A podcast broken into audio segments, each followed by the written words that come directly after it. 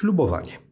Świadomy obowiązków obywatela Rzeczypospolitej Polskiej oraz wielowiekowych tradycji akademickich, ślubuje uroczyście.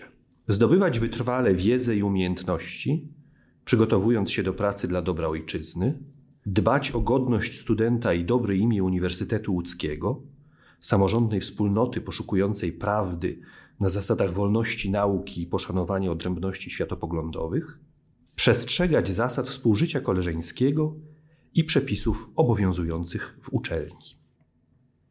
Wysłuchaliśmy przed chwilą złożonego przez studentów ślubowania akademickiego. Wypowiedziawszy rotę ślubowania, studenci stali się członkami społeczności Uniwersytetu Łódzkiego. Ktoś mógłby tu wzruszyć ramionami i powiedzieć: E tam, studentem zostanę, kiedy podpiszę umowę z uniwersytetem. Ślubowanie nie jest przecież żadnym zaklęciem, które może coś sprawiać. Warto się nad tym zastanowić.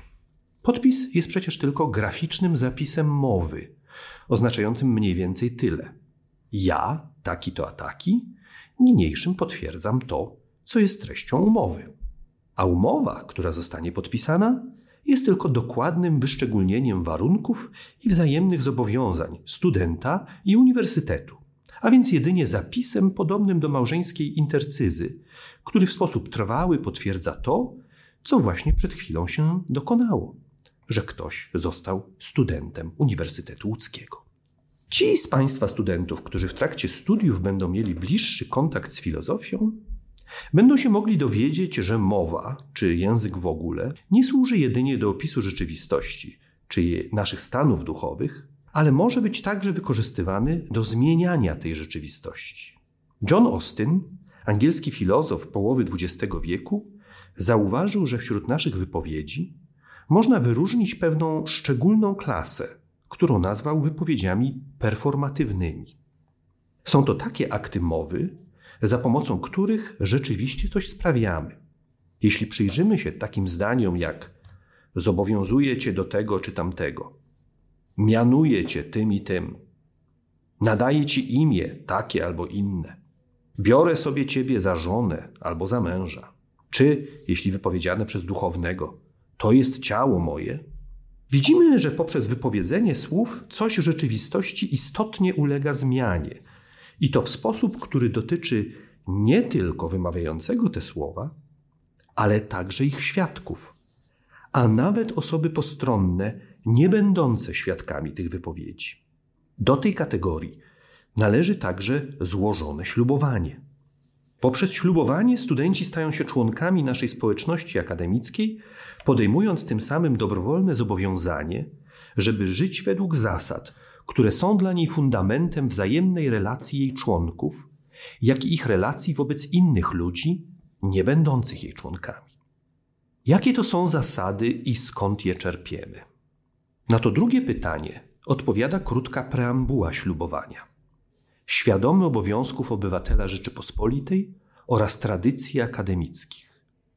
Mamy tutaj do czynienia z odwołaniem się do dwóch źródeł wartości: obywatelskich, ucieleśnionych w dziejach naszej ojczyzny, kraju, który w swych najlepszych dniach umiał być ojczyzną dla ludzi wielu kultur i religii, oraz akademickich, będących owocem pracy sztafety pokoleń i mistrzów, sięgających przez nowożytność i średniowiecze aż do starożytności, a czerpiącej z dorobku rozmaitych kultur. Warto tu zaznaczyć, że obydwie te tradycje odwołują się do ducha otwartości i współpracy. Jeśli chodzi o same zasady, widzimy, że podzielone są na trzy grupy. Pierwsza z nich odnosi się do nauki i uczenia się. Jest to zobowiązanie do wytrwałej pracy dla wspólnego dobra.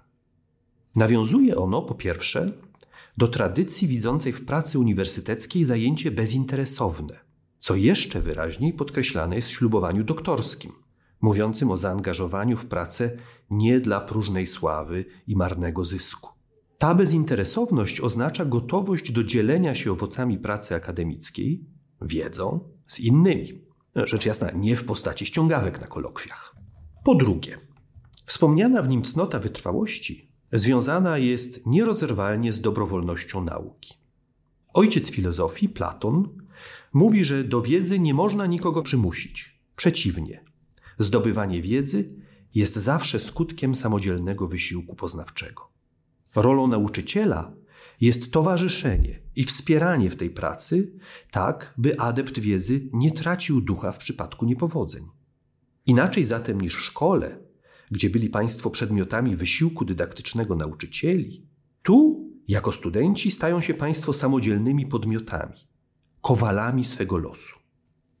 Druga grupa zasad, podobnie jak i trzecia, dotyczy zachowania. Z tym, że najpierw mowa jest o zasadach zachowania dotyczących kontaktów ze społeczeństwem poza uniwersytetem. W dojrzałym średniowieczu, w początkach istnienia uniwersytetów, ich członkowie podpadali pod jurysdykcję kościelną, co w stanowym społeczeństwie oznaczało istotne przywileje, jako że jurysdykcja świecka była dużo surowsza.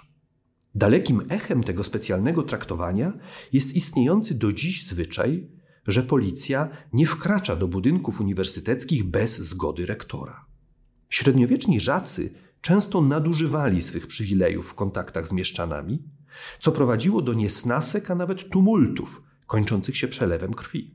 Pamiętając o swoim uprzywilejowanym statusie, nie nadużywajcie go państwo, lecz korzystajcie z niego tak, by przynosiło to chlubę naszej alma mater. Trzecia grupa zasad dotyczy zachowania wobec innych członków naszej społeczności akademickiej. Od dziś każdy z nich to dla każdego z Państwa socius. To piękne łacińskie słowo trudno oddać po polsku. Na tę chwilę niech wystarczy nam współtowarzysz. Oznacza to tyle, że wobec tej wspólnoty wszystkie dzielące nas różnice płci, rasy, narodowości, orientacji seksualnej, poglądów politycznych czy zamożności przestają mieć znaczenie we wzajemnych kontaktach. Nie oznacza to oczywiście, że znikają, ale nie mogą być żadnym czynnikiem służącym wyróżnieniu lub poniżeniu kogokolwiek z nas.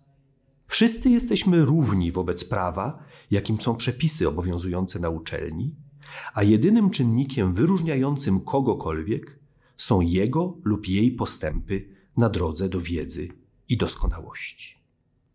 Podsumowując, chciałbym zwrócić Państwa uwagę na to, że wszystkie te zasady, a właściwie wartości leżące u źródła tych zasad, w sposób najbardziej syntetyczny ujmuje dewiza naszego uniwersytetu zawarta w jego godle, czyli veritas et libertas prawda i wolność.